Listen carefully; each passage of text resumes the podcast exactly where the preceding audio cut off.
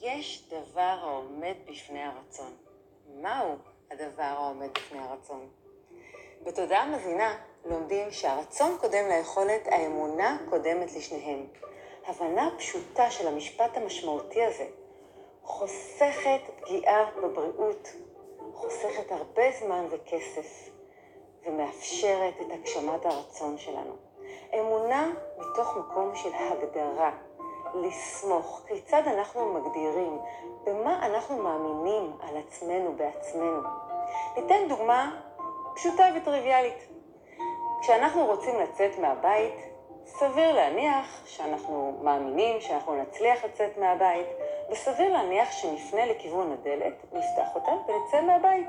לא נעלה בראשנו לפנות אל הקיר ולצאת מהבית, סביר להניח שגם לא לחלון, ולא עוד כל מיני רעיונות אחרים, מאוד פשוט. מגיל מאוד קטן תרגלנו, תרגלו אותנו, שמהדלת יוצאים מהבית. יש בנו הגדרה שאנחנו נצליח לצאת מהבית, וברור לנו לאן ללכת. הפעולה ברורה. בכולנו יש המון המון הגדרות שהתווספו לנו מתוך חוויות, מתוך דברים שנאמרו, מתוך כל מיני ידע ומשפטים ששמענו והוטמעו בנו לכדי אמונות, הגדרות שאספנו על עצמנו. אנחנו מגדירים את עצמנו כך ולא כך. ההגדרות האלו, האמונות שבנו, הם אלה שמביאות אותנו לכדי הפעולה. מה קורה במצב שאני רוצה לרדת במשקל? כבד לי, לא נעים לי, אני רוצה לרדת במשקל. מה קורה כשאני רוצה להחלים ממחלה? אני רוצה להרגיש מאוזנת, אני רוצה להרגיש חיונית. ואם ההגדרה שלי, יש לי גנטיקה של השמנה, אני שמנה, אני לא מתמידה, אני עייפה, אני כבדה, אין לי כוח. האם ההגדרות האלו חופפות את הרצון? אם יש לי הגדרה, אני שמנה, זה ה-Waze, זו הכתובת שקיימת בהגדרה, באמונה שבי.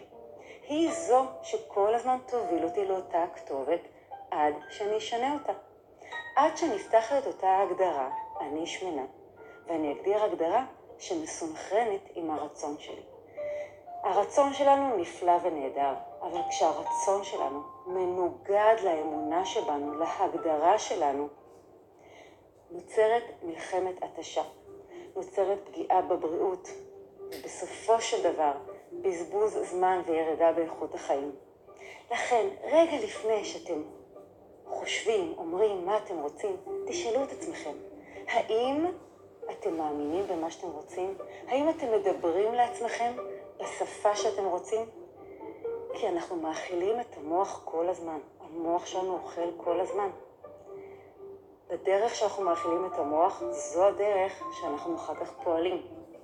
ואנחנו רוצים שהאמונה שלנו, שבנו, והרצון שלנו יסתנכרנו. וכך הרצון שלנו יבוא לידי ביטוי בצורה פשוטה, לטובתנו, חיונית. תנסו את זה. כיצד אתם מגדירים את עצמכם? צעד אחרי צעד. לא להילחם, ופשוט לדבר עם עצמכם אמת. זאת אומרת, אם אני מגדירה את עצמי שמנה, לצורך העניין זו הגדרה שיפוטית שאני פחות אוהבת אותה, אבל הגדרה מאוד פופולרית. אם אני מגדירה את עצמי שאני שמנה, ואני רוצה להיות כהגדרה שיפוטית, גם לא מקובלת, אבל אני רוצה להיות רזה, אני רוצה להגדיר את עצמי הגדרה שמשרתת את הרצון שלי. אני משוחררת מכל המיותר. אבל אם אני מתעקשת להגדיר את עצמי שאני שמנה, אז אני פשוט יאמר, אני רוצה להיות שמנה. ואז זה מעורר. כשאני אומרת באמת את הרצון שלי בהתאם לאמונה וההגדרה שלי, זה מעורר את האמונה, זה מעורר את ההגדרה, רגע, רגע, רגע, אני בעצם לא רוצה את זה.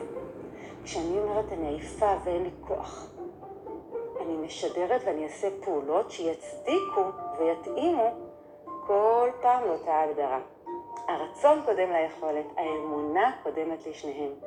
אחד ממשפטי המוטו של תודעה מזינה, שהופכים תהליך ליותר ויותר פשוט. והכי חשוב, השגת הרצון שלנו וסיום מלחמות התשה מיותרות לחלוטין, בחיבוק ושלום. לחיי החיוניות.